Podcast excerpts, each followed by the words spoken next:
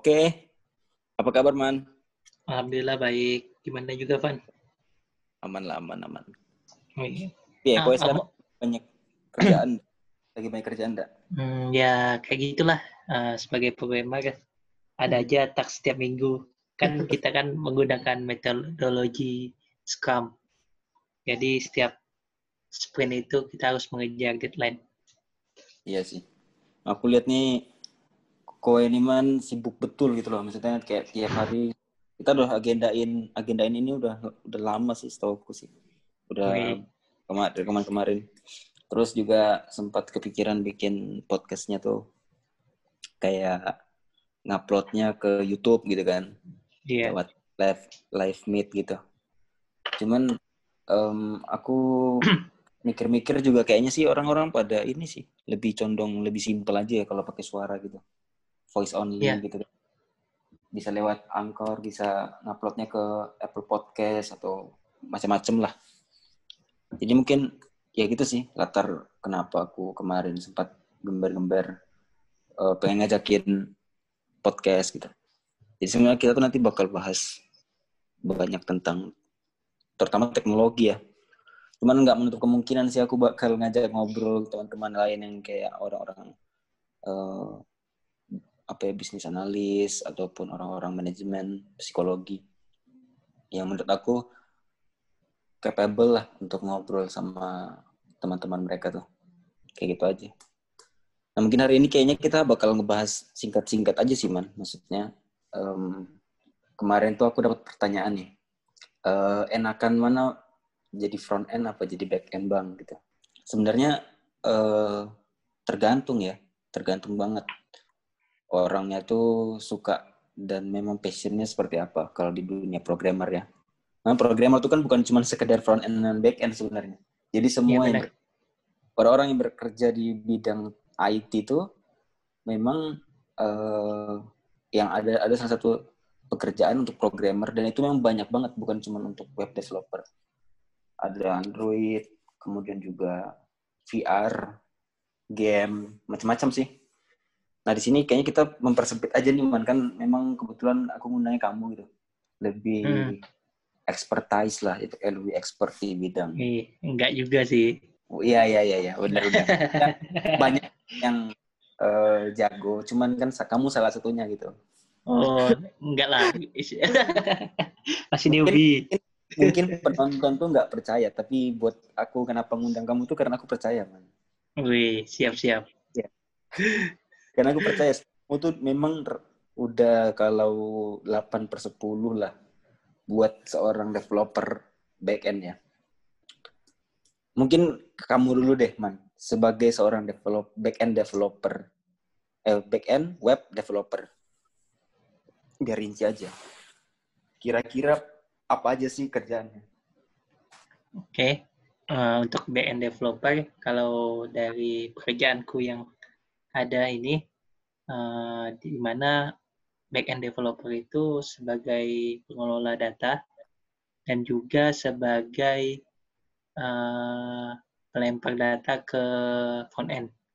Jadi eh, front end butuh datanya apa, kita sediakan. Lebih eh, lebih point-nya gitu sih. Dan juga eh, kita lebih mikirin data sih. Kalau front end kan eh, lebih ke kreativitas, implementasi UI UX-nya dari yang telah dibuat oleh UI UX designer. Nah, kalau dari kita tuh lebih data. Pokoknya kalau udah data pasti back end. Oh, iya benar. Sepet sedengar-dengarnya aku juga sih. Maksudnya orang tuh sekarang juga mulai ini sih. Mulai mempertanyakan gitu. Lebih sibuk, lebih bagus atau mungkin lebih misalkan masuk perusahaan jadi back end atau jadi database. Database apa namanya? Database developer, database administrator, Database engineer, database engineer. database. Hmm. kan sebenarnya nih eh, menurut aku ya konsep back end front end itu kan sebenarnya mereka bahu membahu untuk jadi suatu website nih ya suatu website yang dinamis Hmm. sebenarnya seorang front end itu kan setelah membuat apa ya, membuat tampilan dari tim UI UX. Kemudian dia membutuhkan data nih, data yang dinamis lah, entah itu dari JSON dan lain-lainnya. Uh, dia membutuhkan orang back end yang menghubungkan antara database dan juga client side. Terus kemudian orang tanya nih, uh, sekarang berarti lebih dibutuhin mana orang database engineer atau back end developer? Kalau dari menurut kamu gimana, Man? Oke, okay. kalau menurutku dua-duanya saling dibutuhkan. Ibaratkan ini, uh, kalau dibutuhkan database engineer, yang ngasih ke front end siapa? Nah, yeah. kalau misalkan back end nih, back end engineer dibutuhkan, database-nya nggak perlu deh lah. Nah, nah, yang hubungin apa yang uh, dat yang nyimpan datanya siapa? Kan perlu juga keduanya menurutku kadang uh, yang di Indonesia saat ini uh, lebih dibutuhkannya backend engineer karena dia udah mengangkut dua tugas sebagai database engineer dan backend. Kalau hmm. misalkan maupun dipecah, itu mungkin uh, tingkat kompleksitas aplikasi atau websitenya udah lebih tinggi. Jadi kalau mis uh, misalkan uh, backend engineer itu nggak bisa kerja sendirian gitu loh harus butuh database engineer untuk membantu pekerjaannya lebih mudah. Menurutku yeah. gitu sih. Kemudian juga gini orang mulai banyak bertanya sih, um, uh, emangnya lulusan anak informatika bakal jadi programmer? Memang sebenarnya banyak banyak yang bilang enggak juga sih, ya emang enggak. Tapi memang industrinya lagi memang marak-maraknya kayak apalagi um, sekarang siapa sih yang nggak butuh IT gitu kan? Iya benar. Maksudnya setiap kantor tuh nggak mungkin nggak butuh IT selama memang kamu memang apa scale up gitu. Contohnya um, kalau mau dibilang selama persaingan teknologi itu terus mengalir gitu ya, terus ada gitu. Di situ juga berarti selama itu juga data tuh berkembang gitu kan. Iya benar. Banyak aku baca banyak di medium sih maksudnya tahun 2020 ke depan ini nih memang tahun-tahunnya data. Kayak orang orang-orang memang lagi berlomba-lomba gimana caranya integrasi, kemudian security, uh, apa ya, lebih ke arah memang integrasi data yang yang besar gitu. Baik itu dari semua device-nya sih, mau dari website, mau dari mobile, Nah, menurutmu aja sih, Man, maksudnya peluang sebagai back-end developer untuk mungkin ya, kan orang tuh pengen kerja 5 sampai 10 tahun atau bahkan lebih sih. Kira-kira seperti apa gitu? Maksudnya kan kamu yang udah merintis masalah back-end-nya gitu kan di, di karirmu gitu. Kira-kira seperti apa? Kalau menurutku ini sih, kan kebutuhan website juga udah makin meninggi ya. Apalagi di Indonesia, uh, di mana uh, perusahaan-perusahaan Indonesia udah mulai uh, melek nih sama IT Nah, karena kebutuhan websitenya makin tinggi, uh, kebutuhan dari back end engineer pun makin tinggi juga karena uh, apa selu, sel, apa sebanding atau selurus uh, tingkat uh, permintaan website tersebut. Dan juga menurutku uh, website ini, uh, permintaan website ini nggak akan nggak akan mati ya, karena yang kita tahu uh, teknologi di dalam website tersebut uh, semakin uh, semakin hari itu udah semakin meningkat gitu canggih. Gitu. Ya udah update-nya apa-apa. Yang dulunya hmm. hanya cuma bisa uh, apa CUD, sekarang di website udah ada teknologi AI-nya di mana yeah, dia yeah. bisa apa mendeteksi apa kita segala macam itu udah mulai uh, berkembang ya. Jadi kalau uh, apa, apa pekerjaan ini mungkin uh, matinya tuh mungkin kalau menurut saya nih dari sekarang nih belum ya, belum mati. Pasti ke depannya tuh pasti dibutuhkan terus.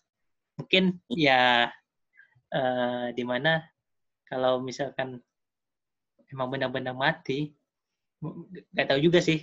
Pasti nggak mungkin sih menurutku. Se bekerja sebagai back end web developer.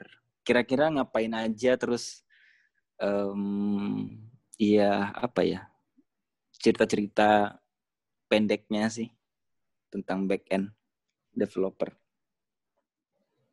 Menurut kamu sih man? Uh, kalau menurutku ya, uh, hmm. bukan menurutku sih, menurut pengalamanku. Hmm. Nah, uh, ini kan uh, aku kan kerja juga di salah satu badan di Yogyakarta sebagai hmm. back end engineer. Nah, selama aku bekerja ini, uh, kerjaanku ini kan uh, back end itu pasti berkaitan dengan data.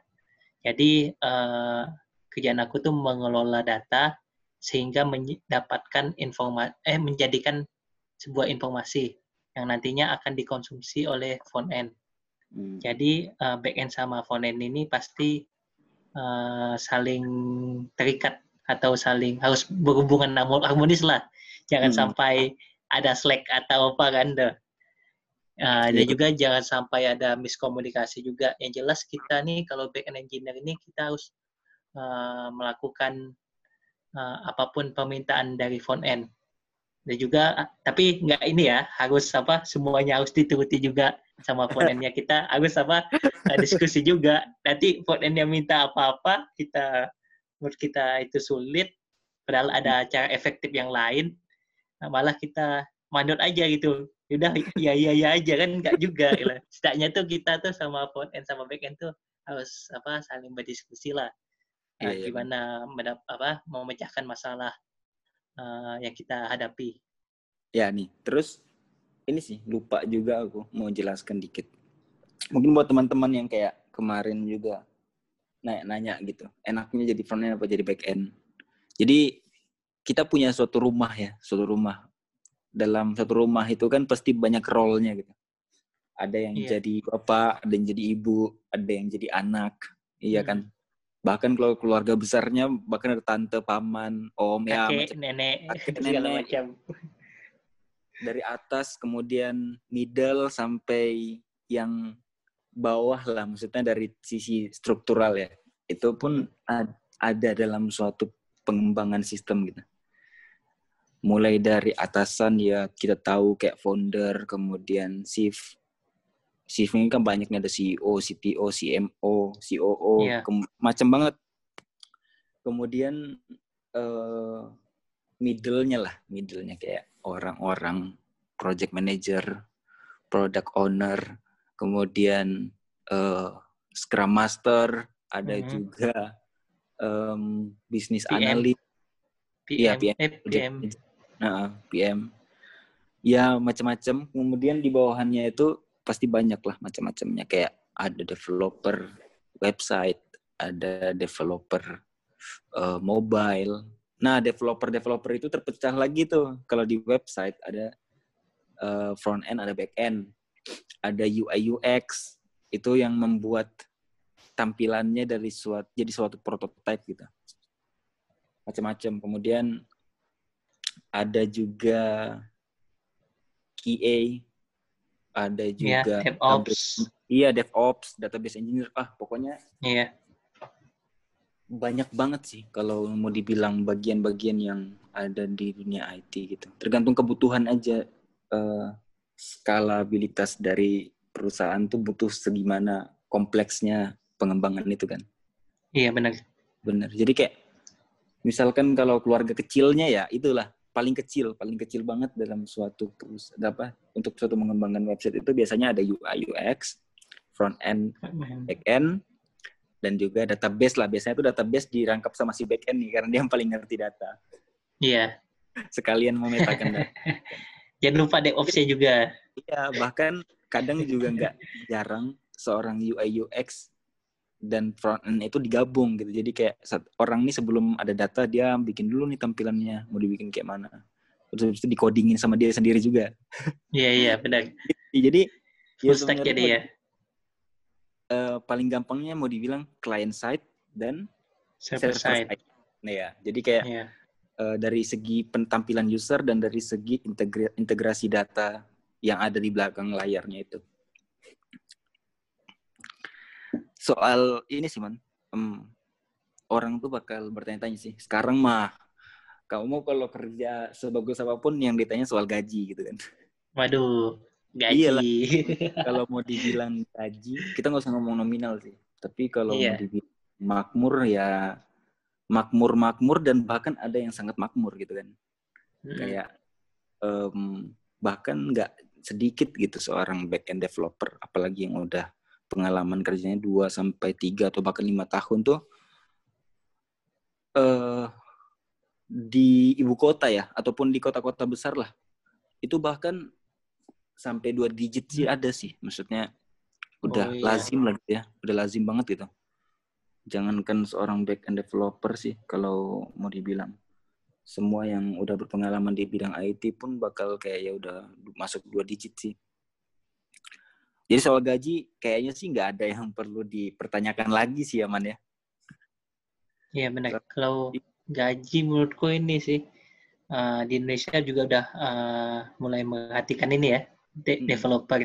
Jadi udah sebagian dulu kan kita ini kan kalau ngembangin website eh, belum ini ya, maksudnya perusahaan di Indonesia itu masih belum melek banget dengan teknologi. Jadi Hmm. kita masih di gaji rendah kan. Tapi alhamdulillah nih eh, semakin ke depan apalagi udah evolusi industri 4.0 Hmm. Nah itu udah mulai ini, udah mulai diperhatikan kita ya. Programmer nih, dapat Iya, udah mulai itulah, udah mulai tinggi lah gajinya. Mm-mm. Emang kemudian nih orang nih nanya gini man, sebenarnya kita ngobrol hari ini, hari ini sih lebih banyak soal fundamental banget sih kayak hal-hal tentang IT, terutama web dev, apa, developer website gitu ya. Iya. Orang kemudian bertanya, orang tuh kan kalau sebelum paham dan kenal masalah dunia IT dan apa ya seluk beluknya lah, orang tuh Mhm. pasti pertama kali berpikir, oh bi- eh, bikin website tuh gak segampang bikin WordPress gitu. Iya.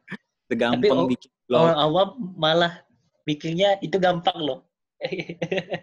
Iya. ini tinggal gubah ini, gubah ini, tapi Iya, padahal benar. di dalamnya tuh banyak yang perlu kita eh, Hmm, itu ubah gitu loh.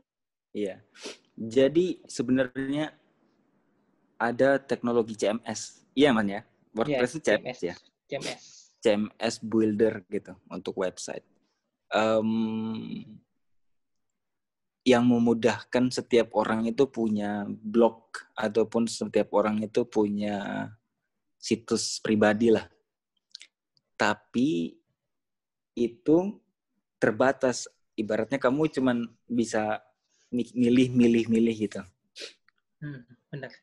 Nah, dalam suatu kasus kita yang udah apa ya, mau dibilang kalau di dunia game nih ya, kan ada tuh Dunia game. public, ada profesional. Nah, di PB nih. Iya. Di di pemrograman eh pemrograman ini nih Hmm. gak ada yang kayak ya public. Maksudnya ya orang-orang yang memang di luar ranah perusahaan ya. Maksudnya kayak ya Mhm. WordPress kemudian blogger dan lain-lain lah. Itu kan kayak mikirnya ya udah sih kayak bikinnya seperti itu aja. Tapi kalau untuk misalkan profesional ataupun kayak memang kayak di dunia pemrograman yang aslinya eh semuanya itu di coding gitu Maksudnya semuanya di build dari nol gitu kan Hmm. dibuat dari nol. Kemudian pemilihan framework HTML, CSS, eh, kemudian JavaScript, jQuery, PHP dan macam-macamnya lah. Bahkan sekarang SQL atau no SQL dan lain-lainnya itu kan teknologi yang emang udah masuk mau dibilang sih udah infinity banget sih kayak eh satunya belum kita pelajarin, satunya udah Iya. muncul aja gitu. Kalau untuk masalah apa eh, teknologi nih ya, teknologi apalagi bahasa pemrograman. Nah menurutku kalau belajar itu ya jangan terlalu misalkan nih udah belajar A, udah muncul B, lalu kita pindah ke B. Menurutku hatamin dulu A, udah selesai paham A baru ke B. Jangan apa terlalu ngikut banget loh dengan teknologi. Kita harus eh, konsisten juga dengan pelajaran apa maksudnya bahasa pemrograman yang kita ingin kuasai. Tapi setelah itu kita harus wajib mempelajari si B ini berarti kan setelah kita Ya, tamat benar. kita B. Karena kalau kita nggak mengikuti perkembangan teknologi, apalagi selaku IT developer ya, IT engineer lah ya dibilanginnya, Hmm. itu kita nggak ngikutin perkembangan teknologi ya sama aja kita buta gitu nggak sih? Iya benar, tapi setidaknya itu loh menurutku apa jangan terlalu ngikut banget tapi tetap juga apa konsisten dengan pilihan misalnya aku, aku nih pengen belajar bahasa pemrograman A tiba-tiba hmm. muncul hmm. pemrograman B aku selesaikan dulu ya, yang ya. pemrograman A baru belajar yang B menurutku gitu nah, karena suatu teknologi yang muncul pun biasanya sih memang dia apa ya dia menyempurnakan teknologi-teknologi sebelumnya kan soalnya nggak mungkin teknologi yang muncul yang baru tuh dia membuat sesuatu perbedaan yang nggak mengadaptasi bahasa lain sih. Maksudnya kayak uh, di pemrograman mana pun mau yang baru atau yang lama tetap ada percabangan, perulangan, tetap ada logik-logik yang sama, hanya saja implementasinya yang beda-beda, skripnya beda-beda. Iya, benar. Gitu, Fundamentalnya ya. sama lah ya iya, istilahnya. Fundamentalnya sama lah, logiknya hmm. sama. Terus balik lagi soal backend man hmm. um, bekal bekal utama gitu kan jadi seorang backend itu apa sih? Maksudnya ya fundamentalnya apa, kemudian uh, expertise tuh harus ngejar sebelah mananya. Kalau front end ini kan akan aku nih kan sekarang front end nih. Aku aku banyak fokus banget kayak 2 3 tahun terakhir tentang front end. Kalau kamu nggak bisa nggak bisa HTML ataupun yang semacamnya untuk ngestruktur ngestrukturin tampilan, kamu nggak bisa styling, berarti tandanya kamu belum cocok jadi seorang front end. Itu paling okay. fundamental banget nih. Nah, kalau si orang back end apa? Kalau menurutku uh, back end nih harus tanda ini uh, algoritmanya harus kuat. Algoritma itu pasti harus kuat logiknya. Uh, lalu menurutku dan juga ini kayak apa pengurutan short itu kan ada hmm. bubble shop, sekuensial dan segala macam itu harus kuat juga. Istilahnya tuh kalau di backend tuh logiknya sih, logik sama algoritma harus kuat. Uh, mungkin ada juga yang bilang nih, yang apa, yang seni itu otak kiri atau otak kanan ya, Van? Otak tengah. Mana ada otak enggak? Aku udah tahu. nah, ibaratkan deh, kalau otak kiri ini, aku kalau misalkan aku salah, mungkin otak kiri ini misalkan seni, Nah, otak kanannya misalkan untuk bagian apa ya? Intelektual. Ya, nah, PN-nya itu bagian intelektual, front-nya itu bagian seninya. Itu menurutku. Pantas kalau aku jalan tuh kepalaku berat kiri, man. Waduh. Lebih, lebih kepake yang kiri soalnya lebih berat. Ada yang bilang gitu sih katanya. Apa iya. otak kiri otak kanan. Tapi uh, menurutku apalagi kalau full stack ya, dua-duanya berarti seimbang kalau full stack itu. Waduh. Tapi sekarang ya udah pada banyak yang full stack juga sih ya akhirnya. Iya sih, tapi menurutku jadi ngerangkap. Hmm. Kalau full Menurut stack itu uh, apa? Bisa sih emang kalau misalkan emang dia apa terlalu udah jago banget ya, udah masalah masa pemrograman tuh udah terlalu edik banget. Nah, tapi kalau misalkan kayak dipecah gitu kan kita kan udah tahu fokusnya gimana. Jadi kalau back end tuh fokusnya bagian data, ngelola data dan segala macam. Jadi kita uh, lebih terfokus dengan hal yang ingin kita capai atau goals kita udah tahu. Goals kita nanti ini uh, bagaimana ke depannya. Kalau misal hmm. full stack itu kan dua-duanya nih. Jadi makin banyak goalsnya makin sulit juga kita kejar. Jadi yeah, yeah, kalau betul. lebih enak tuh dipecah. Kalau udah perusahaannya udah mulai gede itu pasti dipecah. Jadi kita juga hmm. udah uh, fokus ke dalam satu hal gitu berbeda kalau misalkan kayak uh, perusahaannya masih merintis dan segala macam dan juga pun pasti uh, aplikasinya masih belum kompleks dan segala macam pasti untuk full stack itu masih bisa lah. Tapi kalau udah besar aplikasinya gede pasti susah sih menurut aku kalau kerjanya sebagai full stack. Hmm. iya ya benar. Terus aku kepikiran lagi sih. Maksudnya juga uh, aspek-aspek ya kan tadi kalau misalkan mau jadi back end tuh perlu banyak fundamental lah ya, banyak algoritma, terus maksudnya uh, pemecahan kasusnya itu emang benar-benar harus diperhatiin banget kayak logik main banget ya masalah. Hmm, logiknya. Logiknya main banget. Terlepas kamu mau pakai bahasa pemrograman apa pun, mau pakai PHP, JavaScript, Python, Ruby dan lain-lainnya pun yeah. sebenarnya sama aja, cuman asal sama aja. Fundamentalnya kuat ya kan. Iya. Nah, kita juga punya banyak teman kok yang kayak uh, tujuannya itu membuat API, membuat uh, apa ya? Mau dibilang API itu kayak URI, URI mana ya? Endpoint. Endpoint, endpoint. Iya, end, endpoint lah, URL jadi endpoint gitu. Hmm. Kita menghasilkan data-data. Sebenarnya tujuannya backend adalah itu sih, untuk kayak kita frontend itu bisa ngakses database, bisa nge-get, bisa nge, bisa melakukan CRUD lah. Tapi ada ini loh, namanya GraphQL. Jadi uh, yang apa front end bisa uh, ma, ma, misalnya nih GraphQL nih konsepnya itu front end uh, bisa mengatur data apa aja yang diminta. Jadi iya. si backendnya ngasih nih, nah serah kau mau ngambil yang mana. Aku belum paham sih untuk masalah konsep Tapi itu lebih banyak ke arah ini enggak sih? Orang-orang lebih condong itu pakainya untuk full stack. Hmm, kalau GraphQL, aku masih belum paham banget dengan GraphQL. Yang jelas uh, sharing class-nya itu kalau GraphQL tuh uh, front end tuh udah bisa request atau mengatur datanya sendiri gitu loh. Oh iya. Nah, iya. Beda dengan RESTful API. Kalau RESTful API itu uh, front end request minta ini dong uh, datanya segini-gini ke back end. Nah udah nanti back endnya yang buat. Hmm. Intinya itulah. Hmm. Kemudian um, teman balik lagi sih tadi yang sempat kita omongin banyak kok teman-teman kita tuh juga yang uh, back end kalau Hakaman nih dia banyak banget apa ya nge-explore ya dia, dia dalamin banget soal PHP mulai dari um, CI, Laravel, Lumen, apalagi man banyak sih kalau setahu aku sih Hakaman nih banyak main di PHP terus hmm. juga JavaScript, nah Node.js man lagi dalamin gitu kan. Hmm. Terus um, kemudian teman-teman kita juga banyak kok yang kayak aku teman-teman aku di Jogja ya, terutama itu banyak banget yang pakai Ruby. Entah spesialnya apa Ruby, cuman kan kita belum tahu kan maksudnya kayak orang tuh punya pandangan masing-masing soal ah ngomong-ngomong soal pilihan pemrograman itu juga itu berkaitan sama mood sih. Kayak orang-orang tuh lebih suka ngoding dengan gaya seperti apa gitu kan. Kalau JavaScript itu lebih lebih apa ya? Kalau menurut aku sih lebih fleksibel sih. JavaScript tuh fleksibel banget.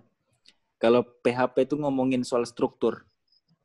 Struktur datanya memang benar-benar diambil sih. Iya nggak sih man kalau struktur datanya maksudnya diambil gimana ya maksudnya struktur data tuh kayak um,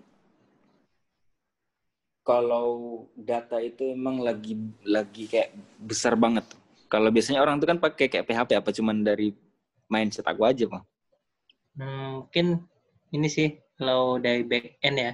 Hmm. Uh, bahasa tuh bebas, apalagi kalau udah konsepnya microservice. Oh itu, iya. Uh, mau yang misalkan service A mau pakai ini uh, Express.js, service hmm. B-nya pakai PHP, tapi uh, kadang orang kan punya pendapat masing-masing juga tuh. Kadang hmm. kadang-kadang misalkan Express.js lebih apa performanya lebih tinggi daripada PHP. Sedangkan PHP sekarang kan lagi ya agak tahu juga nih ada yang bilang uh, di Windows juga udah mulai dikurang support sama Mac juga itu udah kurang support ke PHP-nya. Tapi uh, di Indonesia itu masih banyak banget yang menggunakan PHP. Dan juga pun kan sekarang udah ada PHP versi 8 ya. Udah rilis hmm. atau belum ya? Lupa gue. Yang hmm. jelas uh, eh, PHP masih belum mati. Jadi hmm. dan juga kalau bahasa gini ke microservice nih, kalau kalau dari backend-nya sih kalau bahasa sih bebas asalkan uh, kita mengadaptasi menggunakan microservice, misalkan nih produk A atau misalkan service A yang di mana service A itu mengatasi masalah produk, service B hmm. mengatasi uh, masalah transaksi. Nah, itu kita bebas. Misalnya service A pakai Express, service B-nya pakai PHP. Nah, itu nggak saya terikat kalau udah menggunakan microservice. Hmm. Nah, aku kurang tahu juga nih kalau front end. Kalau front end tuh apakah uh, bisa dinamis dan segala macam. Itu aku masih belum tahu kalau untuk front end. Um, front end sih lebih ke arah request client sih kayak kamu pengen tampilan yang gimana ya diikutin tapi sekarang kalau ngomong masalah frontend pasti JavaScript lah ya hmm, ya sih ya pasti JavaScript. Hmm, JavaScript belum ada ya. saingannya ya ya mungkin akan ada cuman ngomong-ngomong masalah front end macam-macam sih tergantung memang uh, pendapat orang. Sekarang aja lagi ribut banget gitu kan orang ngomongin uh, React versus Angular versus Vue gitu kan. Iya. Yeah. Ya itu ujungnya gitu. Memang mereka bersaingnya memang uh, selalu saling apa ya saling ngunggul-ngunggulin gitu. Ada keunggulan masing-masing sih, tapi kayaknya sih kita bahas sih nanti ntar kalau aku udah podcast berikutnya deh. Ntar kita bahas. Oke, iya. oke. Hari ini aku pengen banyak ngulik banget sih tentang back end gitu. Terus ya itu sih. Kalau ternyata ternyata kalau apa ya mindsetnya orang itu tentang back end nggak semudah itu berarti kan maksudnya kayak ngolah data itu memang effortnya ya, ya sama effortnya. aja oh effort di tempat mana pun memang butuh effort besar cuman effort yang paling banyak di back end itu adalah logiknya sih. Algoritmanya untuk menghasilkan suatu data yang tepat gitu kan. Iya, benar. Yang um, apa ngeproses datanya itu biasanya lebih ke server, server side ya. atau back end. Tapi eh, nggak uh, menutup kemungkinan juga di front end.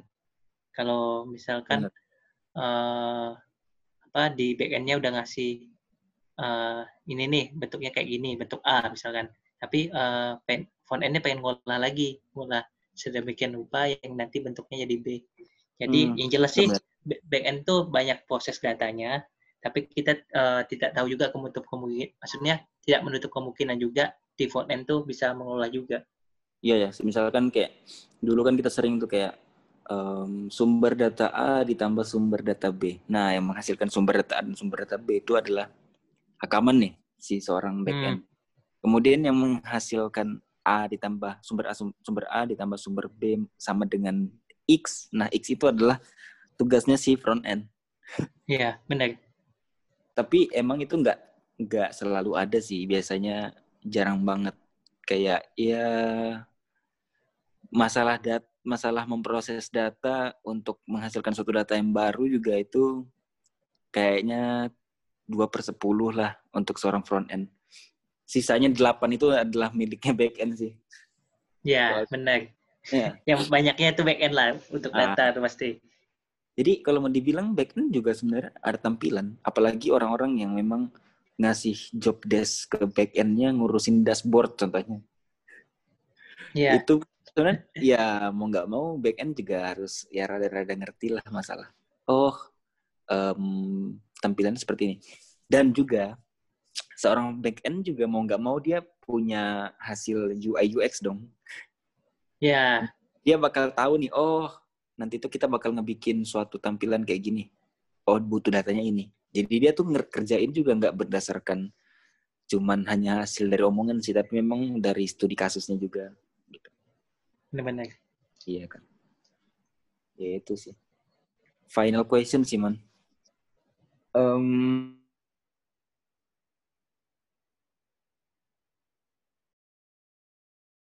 si manusia dengan komputer gitu. Kalau dulu mata kuliah kita namanya IMK. Aku suka banget gitu, maksudnya kayak sesuatu yang kayak aku bisa lihat gitu kan. Meskipun back end juga aku bisa lihat. Tapi kan kayak aku tuh lebih keren gitu kayak, oh ini okay. membuat sesuatu yang nyata di depan mataku. Terus kayak aku membangun experience baru gitu kenapa kamu pilih backend? Pertanyaan okay. itu. Oke, okay. kalau dari aku ya, aku bisa menggantung data-data di front end. jadi, jadi kalau misalkan, uh, misalkan deh, front endnya ngambil warna uh, merah, itu ngambil datanya dari database. Nah, jadi aku bisa atur juga kan datanya. iya, iya benar. Atau misalkan uh, ini uh, apa? Kayak kalau misalkan database-nya apa sih aku kasih apa flag flag aksi misalkan hmm. flag aksinya true nanti muncul aksinya kalau flag aksinya false gak muncul itu kan enak tuh Wih, yeah, aku yeah. bisa main-mainkan data. Dan juga pun enaknya kalau di back end tuh uh, kayak main logic sih logiknya. Itu enak banget. Kita uh, diasah banget logiknya di back end jadi yeah. uh, back end tuh lebih banyak pemain dengan logik itu yang aku suka sih. Hmm, benar-benar ada aku punya teman. Teman jauh sih. Aku nggak perlu sebut merek ya. Oke. Okay. dia seorang developer man hmm. sekarang dia developer di Bandung develop back end developer juga di Bandung. Mm-hmm. Dia dulu ya dulu banget dia tuh sering kayak dia cerita ke aku aku dulu nggak suka banget soal matematika terus aku salah masuk jurusan ke informatika ternyata informatika tuh banyak banget matematikanya setiap satu semester tuh pasti ada matematikanya dan matematikanya tuh ya kayak kalkulus kemudian aljabar linear iya. Okay. matriks dan apalah macam-macam. Segala macam tuh ya. Segala macam. Dan itu aku dulu sempat mikir dia bilang gini untuk apa aku belajar matematika loh? Kan semua yang di coding itu adalah yang yang memproses codinganku adalah si komputer ini si server. Hmm. akhirnya aku menemukan jawabannya. Kalau sebenarnya uh, komputer itu hanya bisa menerima angka. Oh biner ya jadi komputer itu um, sepintar apa pun dia dia nggak akan bisa membaca semua bahasa manusia kecuali kamu menggunakan variabel atau angka. Variabel atau angka. Ya. ya jadi ya kemudian bahkan bahkan akhirnya muncul uh, banyak pengolahan-pengolahan data lainnya sih akhirnya. Cuman hmm. uh, dari matematika itu akhirnya aku bisa banyak belajar soal logik si Van dia bilangnya gitu ke aku. Hmm. Nah, aku mikirnya iya benar juga sih. Aku dulu nggak merasa benefit sama sekali sih belajar matematika di kampus gitu kan. Ya wah aku akhirnya jadi front end gitu kan. Tapi ternyata aku hmm. akhirnya terasa dari segi logika. Iya logika. benar. Ya oh ini nih contohnya. Dulu tuh sering teman teman di kampus kita nih aku nggak sebut orangnya juga. Dia tuh sempat ngasih banyak soal-soal pertanyaan yang orang lain jawab dan orang informatika jawab itu pasti berbeda contohnya yeah. uh, kayak aku membeli lima pisang kemudian dua pisang aku makan, uh, kemudian pisang uh, pisang nomor berapa yang aku makan. Jadi kayak entah itu kalau orang lain mikirnya ya ambil aja terserah dia mau ambil pisang yang mana. Cuman kalau dari segi informatika kan kita berpikirnya dari logika antrian, logika apa namanya Q ya. Q, yeah. Q stack itu kan banyak banyak macam logiknya kan. Mm-hmm. Mungkin anak informatika dia bakal makan pisang yang paling depan. Iya benar. Bakal makan pisang yang uh, dia paling pertama dita di ditawarin okay. gitu dari belakang yeah. depan gitu kan. Jadi sebenarnya logik banget sih kayak eh, hal-hal simple yang ada di sekeliling kita gitu. Ada di informatika yeah. gitu. Kalau sebenarnya kalau kamu suka soal pemecahan masalah sih, ya informatika semi-semi detektif sih sebenarnya. Iya, gitulah. Iya, kita nyari. Jadi semua tiap masalah kita pasti lu pakai logika ya. iya, benar. Kayak ke bawah gitu akhirnya. Iya. bawah soal logika. Terus um, ini sih akhirnya dia juga bilang e, dari aku belajar informatika tuh sebenarnya bukan karena aku akhirnya juga bisa jadi programmer sih Van dia bilang gitu ke aku tapi aku buka les private anak SD Waduh. dia buka les private anak SD, Cok. Jadi iya kan? Mata iya dia buka les matematika untuk anak SD. Aku mikirnya iya sih benar juga maksudnya kayak uh, kalau misalkan orang mau belajar tuh kalau um, orang yang orang yang paling bagus dalam belajar tuh adalah yang terpaksa gak sih? Iya. Apalagi iya. dekat deadline ya, Van. Waduh. Iya. Uh, itu otak tuh langsung lancar, cuy banyak orang tuh yang bilang gini e, kamu tuh kamu mau memulai sesuatu harus niat tapi niat nggak cukup cok sumpah iya yeah. aku eh, kalau mau dibilang kalau ah, niat iya. nggak iya. cukup apalagi emang ya aku dari masuk semester satu kalau mau dibilang aku niat untuk mempelajari semuanya udah mungkin lebih dari satu juta kali niat oh aku tuh pengen ini aku pengen belajar ini setelah hmm. pelajarin sebuah hal oh udah tahu itu mungkin sifat cepat puas ya cuman menurut aku niat perlu niat perlu tapi kalau cuma niat kayaknya enggak deh kamu harus punya apa ya? Uh, yang membakar semangatmu gitu. Iya, salah satunya adalah terpaksa sih. uh, ini dan juga aku tambahin satunya rasa penasaran yang lebih tinggi. Iya benar. Kepo, kepo. Kepo. Nah, iya, kepo. kepo kau misalkan nih belajar komputer nih, gimana sih hmm. komputer bekerja, gimana sih website bekerja. Nah, mulai dari situ tuh biasanya mulai apa penasaran kan jadi kita ngulik hmm. oh gini tak caranya lah segala macam nanti pas kita ngulik nih ada lagi pertanyaan lagi dan segala macam nah itulah yang biasanya terjadi. Hmm. ini man aku juga ada fakta unik. Uh, waktu aku pertama kali kuliah di informatika terus aku pulang ke Kupang ke NTT aku di oh, tanya kamu ini jurusan apa sih Van? Gitu. Oh aku hmm. informatika. Untuk orang yang belum open minded gitu soal teknologi atau mungkin dia masih awam soal informatika atau apa gitu ya. Tahun 2015 loh ya. Dia bilang informatika tuh komputer-komputer gitu ya? Iya. Oh berarti kamu nanti belajar Microsoft Word gitu-gitu ya? Aku tuh langsung kusel lah gitu kan. Aduh. aku belajar masalah Microsoft Word aku belajar Corel Draw atau aku belajar masalah pengolahan data yang emang cuma ngetik-ngetik ngetik-ngetik nggak tarik-tarik mouse gitu. Kayaknya sih kita udah lulus dua tahun sih. Waduh iya benar iya benar setahun mungkin cukup udah iya bahkan empat tahun kita empat tahun lebih atau lima tahun lah kita kuliah pun aku ndak tuh sama sekali kayak dosen tiba-tiba bilang kita ya semuanya buka Microsoft Word semuanya buka Excel gitu. Nggak pernah terjadi satu kali pun. Atau ayo semuanya kita mendesain Corel Draw gitu. Nggak pernah. Iya. Kita ngepikirinnya semua memang dari dari codingan sih ataupun dari logik matematika. Aduh maksudnya uh, semoga aja sih kayak uh, besok-besok lebih banyak gitu percabangan uh, jurusan gitu informatika. Kan keren tuh ada jurusan SW SDW sarjana developer website. Kan keren tuh. Iya. Ya jadi kayak lebih bercabang gitu kan database gitu. Keren.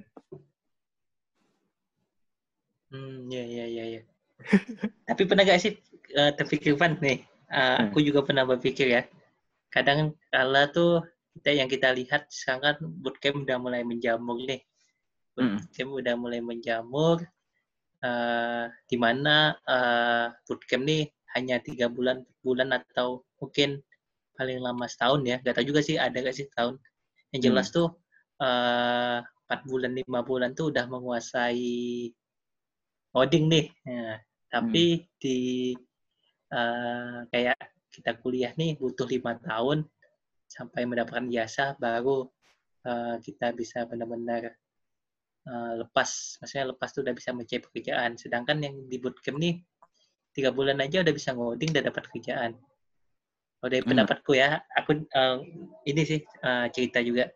Kalau menurutku di Indonesia ini bootcampnya itu lebih mengejar ini sih, mengejar apa?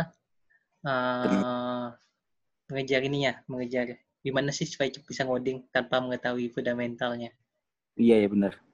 Nah, tapi, jadi uh, kita pakai library A, B, C dan segala macam, caranya begitu begini, tapi kita nggak tahu nih library yang kita pakai cara kerjanya gimana.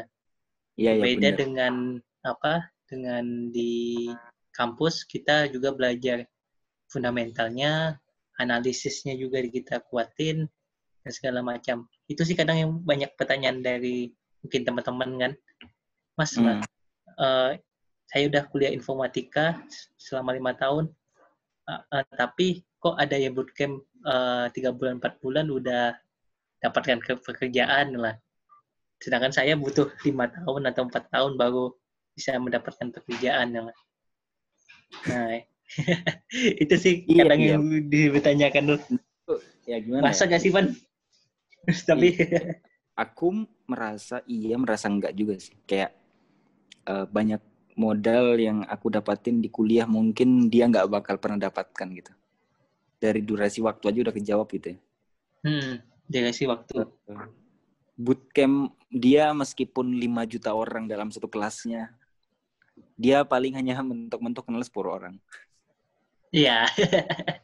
Beda dengan kita ya yang mungkin orangnya 300, 500 bahkan kita sampai satu universitas gitu kan. Kita ngulang-ngulang ngulang-ngulanginya empat tahun setengah kalau kita nih kita berdua kan lulusnya empat tahun setengah tuh.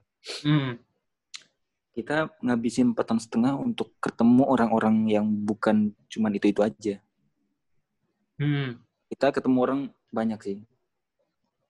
Banyak Itu- latar belakangnya ya. Iya, jadi kita tuh apa ya? em, pertama bisa lebih banyak berbagi wawasan sih ya di luar kuliah. Terus kita banyak eh, jaringan, kita punya banyak Hmm. teman juga lah ya ibaratnya. Kita punya lebih banyak peluang soal kolaborasi dan lain-lain. Terus juga di kampus tuh kan kita cuma bukan bukan untuk jadi seorang pekerja juga gitu kan, tapi juga jadi Iya. orang sosial gitu. Organisasi, mana ada bootcamp, ada himpunannya, ada lembaganya, nggak ada.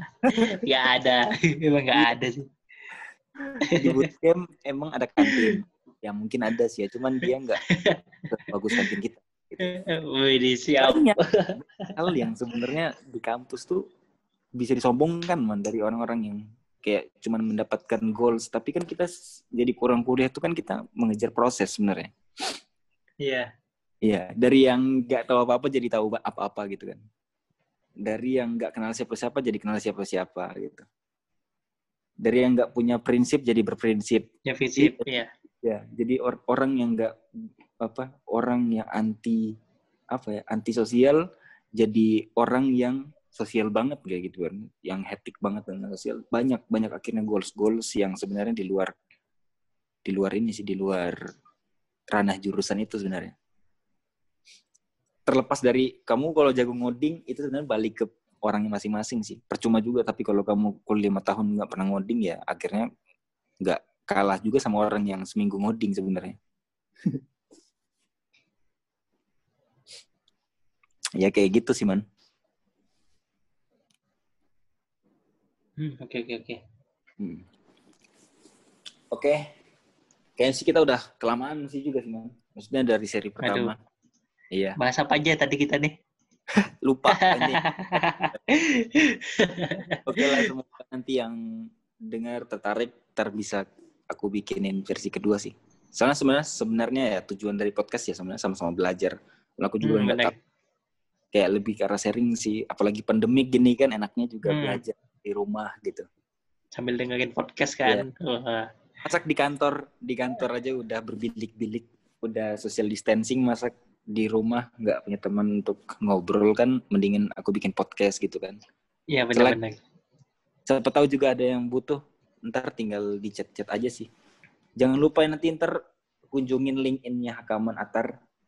Terus juga kalau mau follow atau mau DM langsung di IG-nya aja Hakaman Atar. Aduh. Oke, thank you man ya. Oke, sama-sama. Oke, bye man. Thank you, thank you.